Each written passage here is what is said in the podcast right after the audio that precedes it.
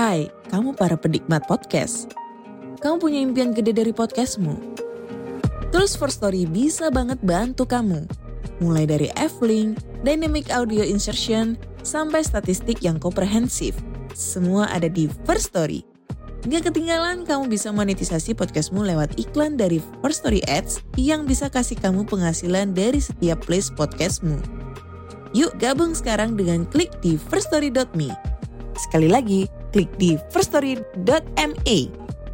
Mari kita bawa mimpi podcastingmu menjadi kenyataan. Hello?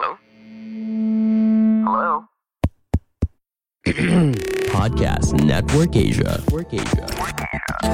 Halo semua pendengar mitologi santuy, selamat datang di podcast mitologi santuy, podcast yang ngebahas tentang mitologi dengan cara yang santuy. Selamat datang di episode khusus question and answer. Kali ini gue nggak akan bawain cerita tentang dewa atau mungkin gue nggak bawain em, tentang sejarah satu tempat atau maaf apa pun itu. Kali ini gue pengen ngejawab pertanyaan-pertanyaan yang udah lu post di IG mitologi santuy. Gue seneng banget karena kali ini ketika gue ngajuin ada nggak ya yang mau nanya tentang mitologi santuy atau podcast ini deh. Dan gue dapet respon yang banyak banget. Ada 17 respon so far. Biasanya itu cuma satu dua orang dan gue sedih banget. Tapi kali ini banyak banget. Jadi gue pengen bikin uh, episode kali ini sebagai um, question and answer. Jadi kalian yang udah ngajuin pertanyaan bakal gue jawab di sini. Anyway, pertanyaannya bagus-bagus. Ada yang pertanyaannya tentang mitologi, ada juga yang tentang podcast. Dan gue bakal kasih tahu lu banyak-banyak informasi yang gue rasa lu pada demen banget deh. Oke, kenapa gue ngelakuin ini? Karena gue cinta kalian semua dan juga karena episode kali ini adalah episode 119 atau 120. Kayak 120 deh. Oh iya 120. Dan podcast mitologi santuy udah dua tahun. Yes, dua tahun gue ngomong di mikrofon untuk kalian semua. Oke, gue gak mau ngoceh lebih lanjut lagi. Mari kita lanjutkan ke pertanyaan-pertanyaan dan jawaban-jawaban gue.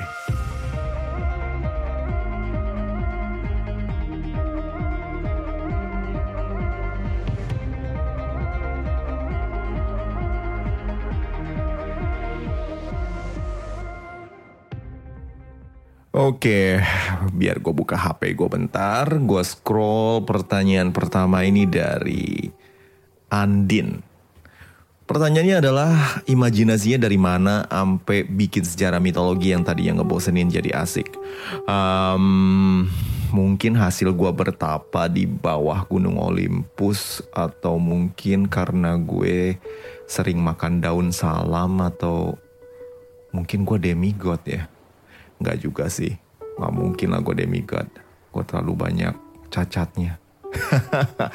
anyway, um, sumber imajinasi gue sih sebenarnya karena gue demen baca aja. Dan so far, um, dari gue kecil, karena memang gue demen banget sama anime sensei ya. Dan juga gue demen banget sama cerita-cerita mitologi Yunani. Jadi banyak ceritanya yang udah ngebekas gitu aja. Dan karena sekarang gue bikin podcast, jadi gue sering banget um, baca-baca buku atau mungkin um, dengar-dengar podcast yang ngebahas tentang mitologi.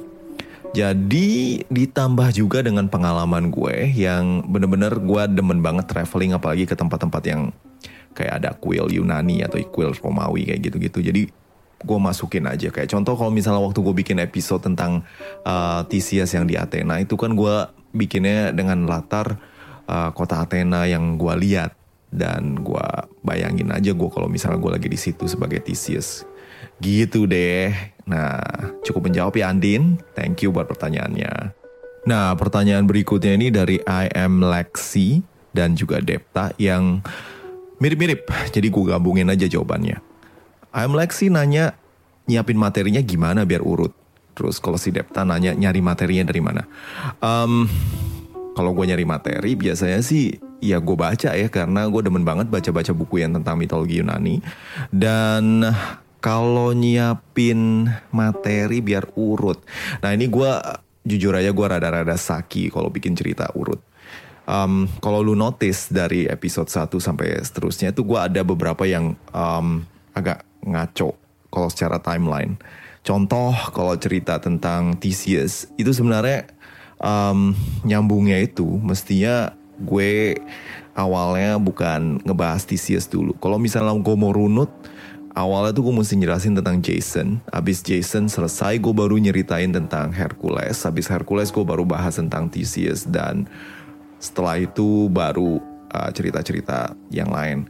Tapi entah kenapa waktu itu gue ngebahas tentang Hercules duluan dan akhirnya ceritanya tuh jadi kagak urut dan buat pendengar mitologi Yunani yang udah mungkin udah tahu tentang cerita mungkin lu lu bakal ngira kok kayaknya ada spoiler alert nih contohnya jadi um, ya kalau urut gue jujur um, masih nggak gitu urut sih nah kalau materi um, podcast beneran deh sumber paling uh, banyak dari gue itu podcast gue sering banget dengar podcast-podcast yang bahasa Inggris yang dari uh, luar negeri. Kayaknya orang-orang Amerika itu banyak banget yang ngefans banget kan. Ada beberapa profesor yang bikin bagus banget.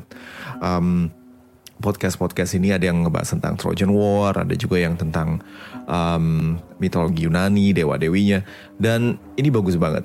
Nanti deh gue bakal share uh, nama podcastnya karena gue lupa gue sering sekali ketik aja gitu loh misalnya nih um, Greek mythology terus nongol banget banyak banget di uh, podcast uh, di Spotify tapi kalau gue ketik tentang mitologi Yunani dalam bahasa Indonesia um, yang nongol mitologi santuy ah, sombong pertanyaan berikutnya ini rada serius nih dari Will Adijaya syarat masuk sorga atau neraka menurut mitologi Yunani Waduh, gue sebenarnya bisa bikin satu episode khusus buat pertanyaan ini. Tapi karena ini question and answer, gue bakal jawab sesingkat-singkatnya dalam tempo yang sesingkat-singkatnya juga. Anyway, um, syarat untuk masuk surga. Jadi kalau misalnya lu manusia biasa, um, atau mungkin lu demigod, surga itu adalah Elysium Field. Itu tempat yang gimana ya? Tempatnya kayak surga gitu. Taman, lu pokoknya di situ udah nggak ada derita dan macam-macam dan hidup lu tuh enak banget itu namanya Elysium Field sorga untuk uh, orang-orang yang punya jasa kayak pahlawan atau mungkin lu uh, pernah menyelamatin bumi dari asteroid gede atau gimana.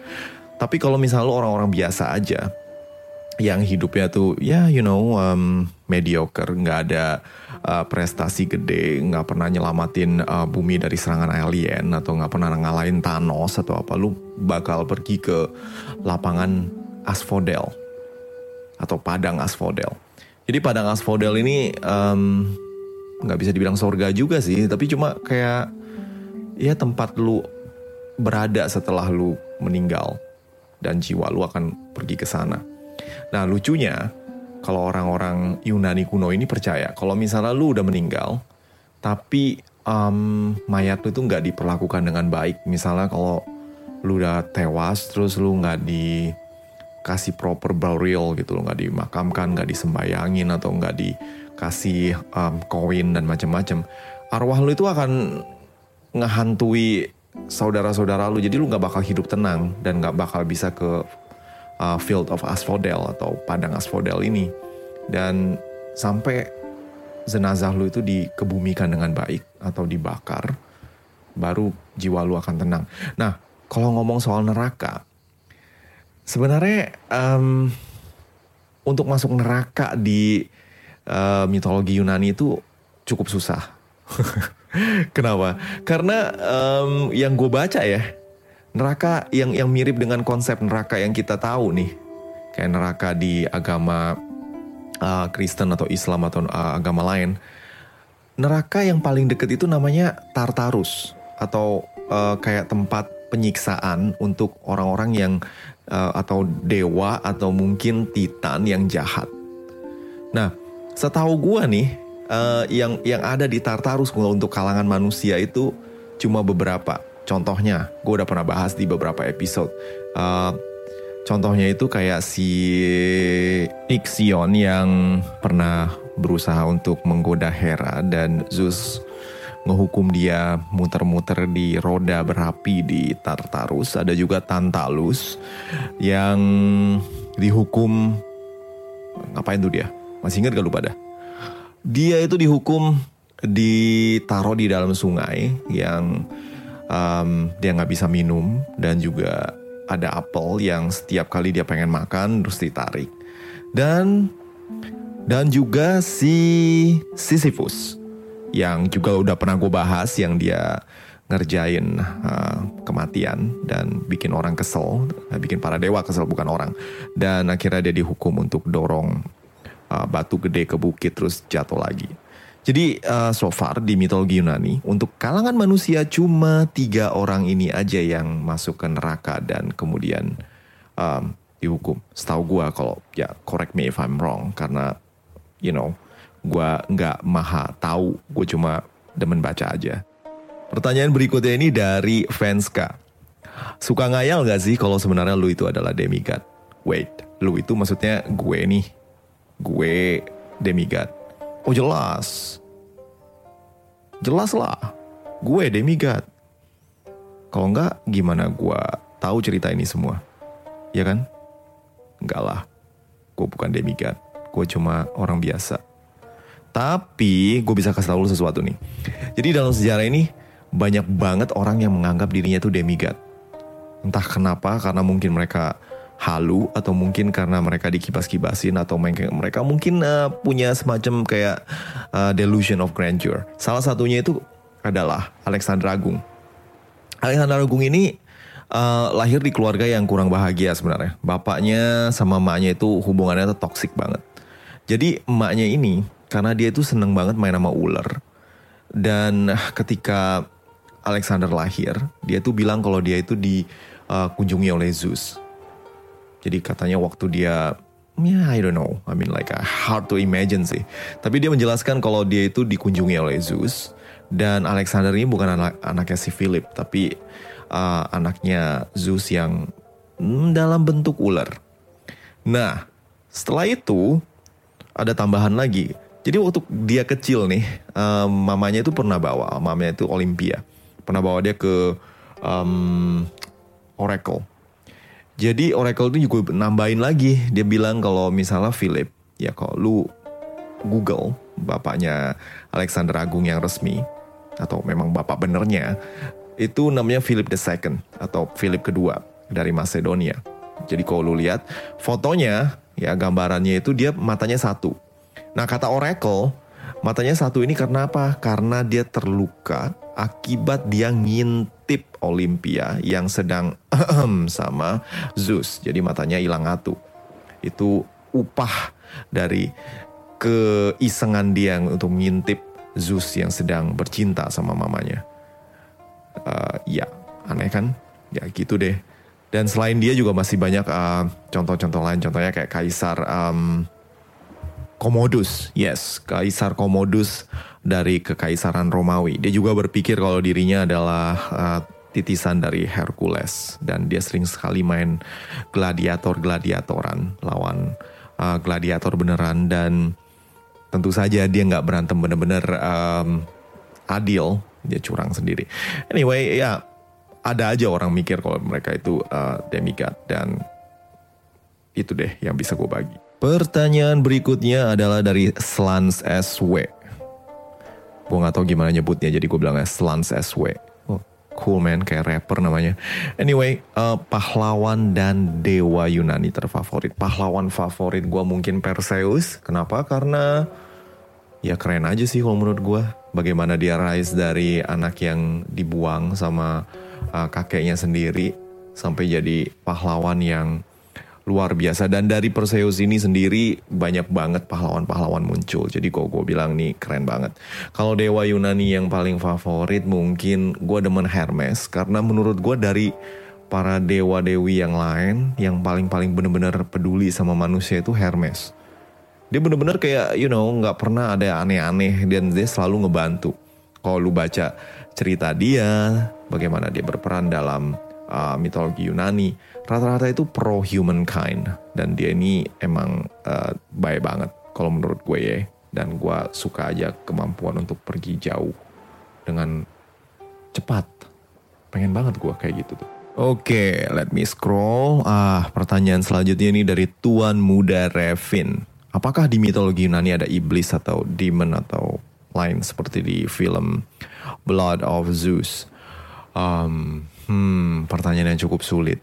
Karena uh, menurut gue ya, ini yang abis gue baca, demon itu asalnya dari kata daimon. Dan kalau dalam mitologi Yunani ini artinya bukan kayak iblis dan macam-macam, tapi lebih mirip kayak roh atau um, roh orang yang mulia. Dan kadang-kadang diterjemahkan tuh kayak semacam tindakan dari uh, para dewa yang berbentuk daimon. Jadi konsepnya itu masih nggak jelas.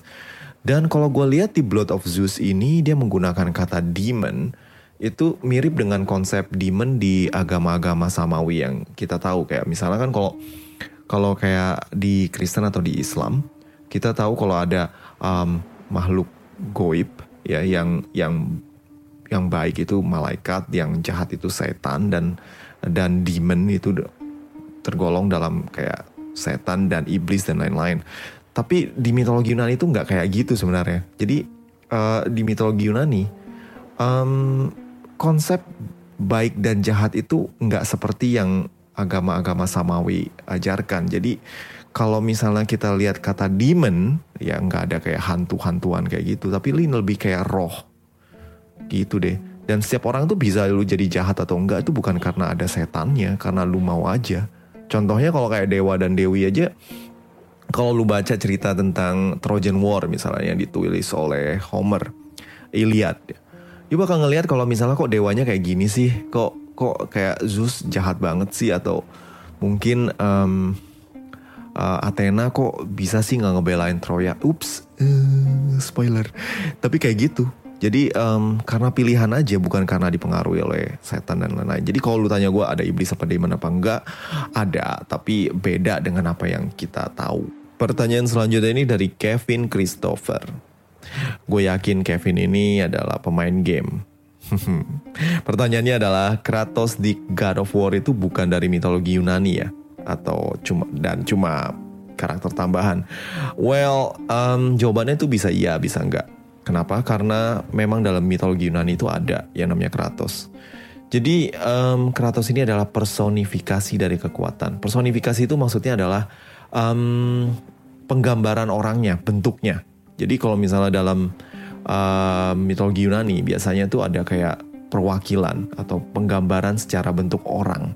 Kayak misalnya nih kalau laut itu digambarkan sebagai Poseidon, kalau langit itu adalah Zeus, kalau uh, pertanian dan sawah ladang itu bisa digambarkan dengan Demeter atau Gaia.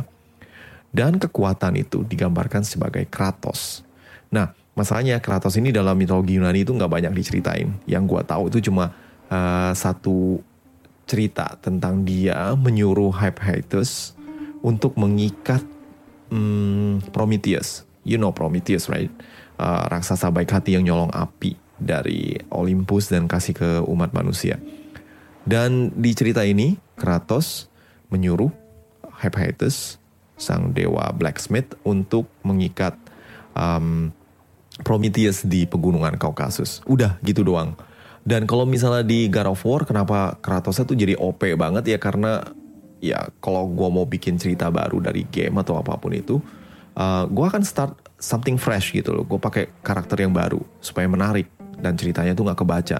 Dan um, gue rasa yang main yang yang bikin film eh sorry film lagi, yang bikin game God of War ini udah did a really good job dengan Kratos yang sampai sekarang udah berapa seri sih? God of War 4 ya kalau nggak salah. Gue main cuma sampai 3 karena memang gue miskin dan gue nggak punya uh, game. Dan gitu deh.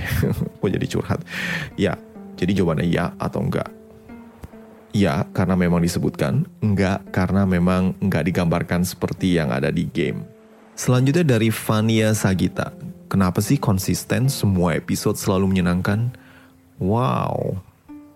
Seneng gue baca begini Um, Gue nggak tahu ya kenapa bisa konsisten semua menyenangkan ya. Tapi yang jelas gue ngelakuin ini dengan sepenuh hati dan karena memang gue demen banget cerita-cerita uh, mitologi Yunani dan gue demen banget banyak yang dengerin. Gitu aja kali ya. Iren bertanya, ada kepikiran nggak mau bahas mitologi lain selain Greek, Egypt atau Nordic dan Arta nambahin juga? Kenapa nggak bahas tentang mitologi Tiongkok? Um, the thing is, setiap kali gue memulai satu cerita, gue tuh berasa kayak gue pengen atau gue harus expand lagi. Dan masih banyak dari mitologi Yunani yang belum gue bahas. Totally banyak banget. Gue nggak tahu sampai kapan gue bisa uh, selesai ceritain apa yang gue tahu dan apa yang gue mau ceritain di mitologi Yunani. So far kita udah sampai ke episode 120 dan gue pun ngerasa kayak masih banyak banget yang belum gue ceritain gue nggak tahu sampai kapan dan gue nggak mau buka uh, front line atau buka uh, cabang lain dari mitologi santuy ke Egypt atau Nordik atau Tiongkok selain karena memang gue nggak nggak nggak nguasain banget soal Egypt, Nordik dan juga Tiongkok. Mungkin ntar lah kalau misalnya ini udah selesai. Ntarnya gue nggak tahu kapan. Mungkin lima tahun lagi atau empat tahun lagi kalau misalnya podcast ini selalu tayang. Dan gua kepengen banget kalau misalnya podcast ini selalu tayang. Tapi ya mohon dukungannya ya. Lukas Aries nanya baca lore Olympus enggak um, enggak jujur gue baru baru Google. Dan ini cerita tentang Persephone sama Hades ya. Um, gue belum baca dan gue banyak banget yang gue nggak baca sebenarnya kalau misalnya cerita-cerita yang uh, adaptasi dari mitologi Yunani. Contohnya, banyak orang ngira gue tuh bikin podcast ini uh, terinspirasi dari Percy Jackson, uh, karya uh, si siapa sih penulisnya? Uh, Rick Riordan. Jujur nggak, gue gak pernah nonton. Eh gue gak pernah baca, gue cuma nonton doang. Itu nonton pun karena memang gue um, demen sama Alexandra Daddario ya gue jujur gue bikin pengakuan nih. Gue nggak pernah baca uh, Lightning Thief atau um, Blood of Olympus atau apa pun itu gue nggak baca. Adaptasi yang gue nonton itu cuma ya Percy Jackson gue nonton. Tapi kalau baca gue kagak. Karena memang gue nggak tahu ya. Karena memang gue lebih demen uh, yang kanon atau cerita yang lebih uh, sesuai dengan pakem yang banyak orang baca kayak um, Homer cerita tentang Iliad atau Theogony karya dari um, Hesiod. Jadi gue tuh old school banget. Galang Siraj nanya, Hades sama Zeus itu beneran musuhan gak sih? Soalnya kalau di film itu mereka nggak pernah akur. Um, musuhan sih kayaknya enggak deh. Tapi uh, kalau selek-selek dikit iya. Soalnya Hades ini nuduh kalau Zeus itu curang ketika mereka mengundi uh, wilayah mereka yang akan mereka dapat sesudah sudah mengalahkan uh, bapak mereka yaitu Kronos dan juga para Titan. Jadi ceritanya uh, abis Kronos kalah dan dipenjara di Tartarus, uh, the big three yaitu Poseidon, Zeus dan juga Hades ini ngundi siapa aja yang dapat wilayah mana. Dan Zeus katanya di katanya nyurangin Hades sehingga dia dapat langit dan Hades itu cuma dapat uh, alam bawah uh, alam maut. Dan Hades itu selek sama Zeus. Tapi di kemudian hari um, dalam hal yang agak nggak wajar kalau misalnya kita lihat dari kacamata sekarang um, Hades ini malah sebenarnya jadi menantu daripada Zeus. Kenapa? Karena um, Hades itu mempersunting Persephone anak dari Zeus dengan Demeter. So it's an awkward relationship. Ya gak sih? Um, ya gitu. Tapi kalau dibilang musuhan sih enggak deh kayaknya. Kayaknya ya, ini menurut gue. Lalu coba tanya dia dah. Oldman Logan nanya gue, ke depannya traveling ke mana lagi bang? Wah, hahaha. Lu tahu juga gue demen traveling. Ada yang mau bayarin gue ke Mount Olympus gak? Gue kemarin baca-baca nih cerita tentang uh, mendaki Gunung Olympus. gak tahu, jujur gue gak tahu gue mau ke mana. Uh, di bulan Mei lalu gue baru nyelesain Camino. Gue jalan kaki dari Portugal ke Spanyol. Dan ini asik banget. Jadi kalau misalnya ada kesempatan lain mungkin gue bakal eh, jalan kayak gini lagi. Atau mungkin gue bakal pergi ke Turki, um, mengunjungi beberapa kota-kota kuno. Atau nggak tahu deh. Ya doain deh, doain dan dukung gue ya, uh, supaya gue bisa traveling lagi. Thank you man. Selanjutnya Kira Ano nanya, Bang, Medusa itu bukan Dewi kan? Ah, Dewi. Hmm, enggak. Ya, aku bisa pastikan dia bukan Dewi.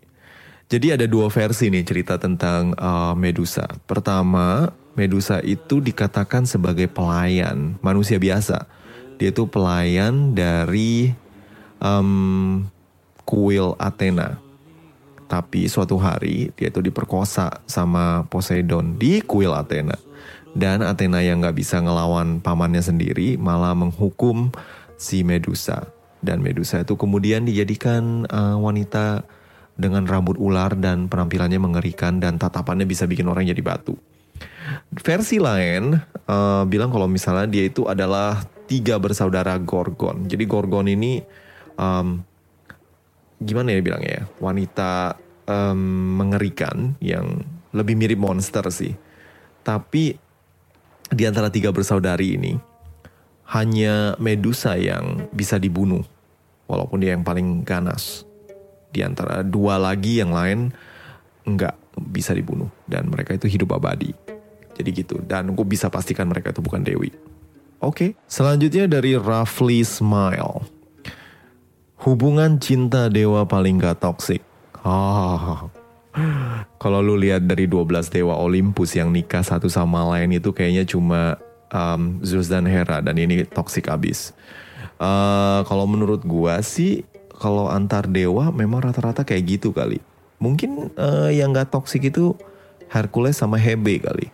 Jadi setelah Hercules um, meninggal dan dia kemudian diangkat ke Olympus, dia dinikahkan dengan anak Zeus dan juga Hera yang namanya Hebe atau uh, Dewi keremajaan. Tapi nggak ada ceritanya gitu doang nikah dan nggak dijelasin uh, cerita selanjutannya kayak gimana. Kalau antara manusia dengan dewi atau dewa dengan dew dengan manusia kalau menurut gue cerita yang paling indah itu cerita antara Cupid sama Psyche sih. Gue udah ngebahas ini di episode yang cukup panjang itu satu seri tuh. Um, hubungan mereka baik walaupun uh, awalnya ditentang sama Aphrodite ibu dari Cupid tapi Eros atau atau Eros. Dan uh, setelah itu ya fine fine aja. Dan mereka ini sebenarnya perwakilan dari cinta dan jiwa. Psyche itu dalam bahasa Yunani itu artinya uh, jiwa. Dan jiwa mana yang bisa hidup kalau tanpa cinta? Ah, ah, ah. Jijik dah gue. Pertanyaan selanjutnya ini dari Yepskui. Gimana hubungan penganut agama Yunani kuno dengan agama-agama lain di sekitarnya? Waduh bro, ini pertanyaan yang rada-rada rumit ya dan kayaknya bakal bisa dibahas jadi kayak satu seminar kali. Tapi gue coba jawab. Oke, okay, uh, pertama kali gue pengen uh, titik beratin nih kalau misalnya agama Yunani kuno itu uh, sifatnya itu politeis kan. Kalau orang-orang barat tuh nyebutnya paganisme. Jadi orang-orang Yunani ini menyembah dewa-dewi. Tapi um, mereka nyembahnya juga kayak kayak gimana ya? Kayak kebutuhan gitu loh. Kalau misalnya dia lagi butuh uh, soal percintaan ya nyembahnya ke uh, Aphrodite atau Eros dan kalau misalnya mereka butuh diberkatin ladangnya ya mereka pergi ke Demeter dan lain-lain. Nah, karena mereka ini menganggap kalau segala sesuatunya ini ada dewa dan mereka itu nggak terlalu saklek dengan kayak um, ritus tertentu semua orang tuh harus nyembah semua dewa enggak. Jadi mereka itu ya bebas aja lu mau nyembah dewa mana juga nggak apa-apa. Nah pemikiran kayak gini yang bikin uh, orang-orang Yunani itu um, kayak gini. Jadi kalau misalnya ada ide-ide baru gitu ya, uh, ada dewa dewi dari luar negeri atau misalnya dari um, Mesir atau dari Persia, mereka yang nerima-nerima aja nggak masalah. Oh lu nyembah dewa yang ini, oke okay, kayak kayak apa sih dewanya?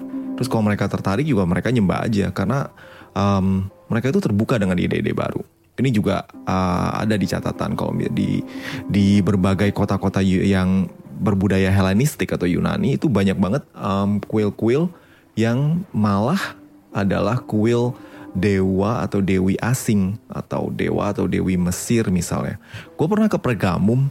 Di sini ada kuil Serapis, terus ada kuil Isis yang merupakan dari uh, Mesir. Padahal di daerah sana itu budayanya adalah Yunani dan juga uh, Romawi. Nah, ngomong-ngomong soal Romawi nih, jadi um, Yunani itu nggak selalu uh, tentang uh, you know dikuasai oleh negara-negara republik yang negara kota yang gue sebut dengan uh, polis-polis itu. Tapi kemudian kekaisaran Romawi ini nguasain Yunani juga. Nah orang-orang Romawi ini kan emang uh, fanboynya Yunani kan. Mereka tuh demen banget sama budaya-budaya Yunani termasuk dewa dan dewinya. Mereka ini nyontek, bisa dibilang nyontek.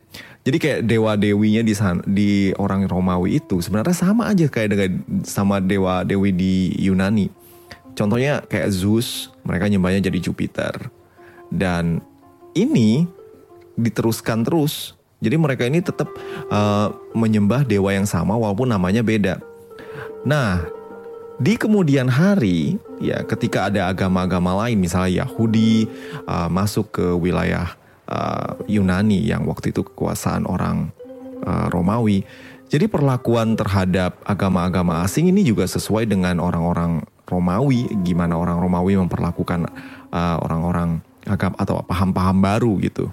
Nah, orang Romawi ini pertama-tama sih ya nggak ambil pusing soal agama-agama baru kayak misalnya Yahudi atau uh, Kristen ya yang awal-awal memang uh, perjumpaannya dengan mereka itu mereka biasa aja.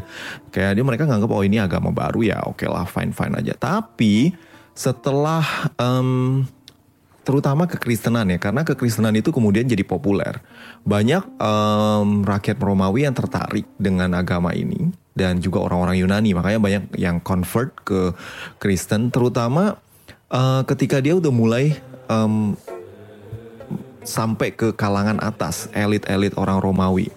Nah, ini yang jadi kemudian jadi uh, pemikiran bagi orang-orang uh, Romawi yang tradisional yang berpikiran kalau mereka harus tetap di paganisme.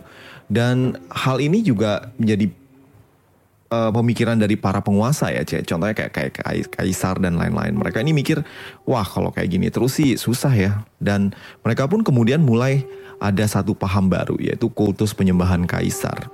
Jadi kalau lu um, lu boleh nyembah dewa apa aja, tapi lu juga harus uh, nyembah kaisar. Karena kalau lu nggak nyembah kaisar ya berarti lu pemberontak, lu nggak setia sama Romawi. Dan itu yang terjadi.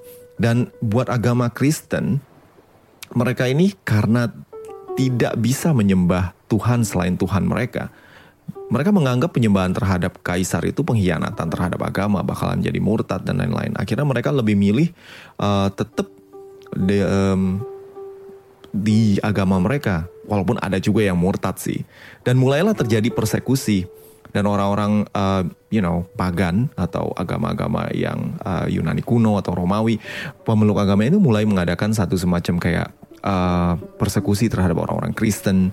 Dan lama kelamaan um, entahlah dari satu kaisar ke kaisaran lain uh, persekusi ini semakin uh, kadang naik kadang turun sampai kekristenan ini menjalar ke kaisar. Ya Konstantin yang waktu itu jenderal dia ini mulai um, melirik ke agama Kristen dan walaupun resminya itu waktu itu dia masih menyembah dewa kayak uh, Sol Invictus dia kemudian berubah menjadi Kristen setelah menjadi kaisar dan mulai mengadakan suatu uh, aturan-aturan uh, baru yang meringankan untuk orang-orang Kristen tapi malah berat sebelah ke para pemeluk agama Romawi. Contohnya banyak kuil-kuil yang uh, ditutup atau dialihfungsikan jadi gereja dan lain-lain. Alhasil banyak juga yang um, berubah agama atau uh, memeluk agama Kristen dan dalam beberapa generasi aja uh, yang menjadi Kristen itu lebih banyak daripada yang tetap menjadi pagan. Dan kemudian ketika ada satu kaisar, nah ini ceritanya menarik nih. Jadi ada saudara dari Konstantin yang kemudian um, menjadi kaisar, ya yaitu Julian. Nah, Julian ini dijuluki dalam sejarah itu sebagai Julian the Apostate atau Julian si murtad. Julian ini dulu lahir secara Kristen, tapi kemudian dia murtad dan dia nyembah Zeus dan lain-lain. Ketika dia jadi kaisar, dia terang-terangan bilang kalau dia itu udah murtad dan dia mau mengembalikan agama uh, Yunani kuno atau Romawi kuno kembali ke kekaisaran Romawi yang dia kuasai. Dan hal ini ternyata nggak populer walaupun dia udah mendukung mati-matian uh, melalui uh, peraturan-peraturan tertentu. Contohnya nih, Julian itu menghidupkan kembali ritus-ritus yang udah mati sebelumnya, kayak penyembahan Dionysus, uh, penyembahan terhadap Zeus dan lain-lain. Dan juga dia bilang orang-orang Kristen itu nggak boleh jadi guru dan diganti dengan orang-orang pagan. Tapi ternyata setelah dia meninggal, karena dia pergi perang terus kena tombak dan mati konyol gitu aja. Semua yang dia lakukan itu kemudian nggak ada gunanya karena orang-orang yang uh, peraturan-peraturan itu semua akhirnya jadi nggak valid lagi. Kaisar yang baru yang menggantikannya kembali ke Kristen dan semua peraturan yang dilakukan oleh uh, yang diberlakukan oleh uh, Julian itu nggak valid lagi. Makanya abis itu perat, uh, kekristenan yang tadinya dihambat oleh Julian malah menjadi lebih maju dan agama pagan Yunani kuno pun mulai lambat laun ditinggalkan sampai pada ke abad keempat. Jadi semua acara ya semua ritus festival yang berhubungan dengan uh, penyembahan terhadap dewa-dewi kuno itu dilarang sama kaisar yang bernama Theodosius. Makanya Olimpiade Yunani kuno tuh juga udah nggak ada waktu itu di di stop. Nah, gila gue kayaknya uh, jelasinnya panjang banget karena gue demen banget topik ini. Anyway, um, ya seperti itu. Jadi begitulah hubungan antara um, uh, pemeluk agama Yunani kuno dengan uh, dengan para pemeluk agama yang lain. Dan ini singkat kata tergantung dari uh, para pemimpinnya, dari kaisarnya. Jadi kalau kaisarnya pro uh, agama Yunani kuno ya mereka cenderung mempersekusi orang uh, agama lain. Tapi kalau misalnya yang uh, ya yeah, you know what I meant lah. Anyway um, untuk sekarang kalau sekarang nih mayoritas dari uh, orang-orang Yunani itu sekarang udah memeluk agama uh, Kristen. Dan mereka tuh Kristen Ortodoks sedangkan ada nggak yang menyembah Zeus dan lain-lain? Uh, gue bisa bilang ada tapi sedikit dan ini pun masih bas, uh, dalam tahap revival dan nggak banyak. Kalau lu misalnya tertarik, lu boleh uh, waktu itu gue pernah lihat di YouTube ada satu acara, uh, bukan acara kayak kayak video gitu yang menjelaskan tentang paganisme di zaman modern. Lu bisa ketik deh uh, um, Zeus worshipper atau something uh, di search engine-nya dan lu bakal ketemu. Dan itu yang ada sekarang, walaupun nggak banyak. Oke, semoga bisa jawab ya. Muksi Fasya bilang, please mau series podcast The Iliad versi metodologi santuy. Uh, sebenarnya sih gue udah ada skripnya, tapi emang gue bikin dalam versi uh, buku karena memang gue udah bikin ini cerita dari tahun 2019 kayaknya dan gue pengen terbitin dalam bentuk buku. Tinggal 5% lagi rampung, tapi gue masih ragu nih gue pengen terbitin tapi gue takut nggak laku. Sedih kan? Padahal gue bikin bagus banget loh. Ya mungkin ntar gue terbitin buku aja kali ya. Kalau misalnya podcast kayaknya uh, udah terlanjur gue bikin versi dalam buku. Jadi kalau misalnya gue terbitin nanti dan gue umumin kalian pada beli ya please. Bantulah ekonomi uh, podcaster slash guru slash penulis yang miskin ini. Kidding Sesi question and answer ini bakal gua selesaikan dengan pertanyaan dari Adilas yang menurut gua super kocak. Apakah benar kalau kuliah kelistrikan lulusnya bakal jadi Zeus? Yes, lu bakal jadi Zeus. Mhm. Terus juga kalau misalnya lu bisa berenang dari Jawa ke Kalimantan bolak-balik dalam sehari, lu bisa jadi Poseidon. ah, kocak deh pertanyaannya. Anyway, uh, gue bakal close sesi ini dan gue sebelum gue tutup gue pengen ngucapin terima kasih untuk Hansen dan juga Han yang udah traktir gue di halaman mitologi santuy thank you banget dan buat kalian yang kepengen juga ngedukung podcast ini silahkan mampir ke laman mitologi santuy sorry, laman traktir mitologi santuy yang tersedia di deskripsi episode. Minggu depan kita akan balik dengan sesi, hmm, enggak dong, dengan cerita yang lebih menarik lagi. Terima kasih semua, see you again, bye. Pandangan dan opini yang disampaikan oleh kreator podcast, host, dan tamu tidak mencerminkan kebijakan resmi dan bagian dari podcast Network Asia. Setiap konten yang disampaikan mereka di dalam podcast adalah opini mereka sendiri dan tidak bermaksud untuk merugikan agama, grup etnik, perkumpulan, organisasi, perusahaan, perorangan, atau siapa pun dan apa pun.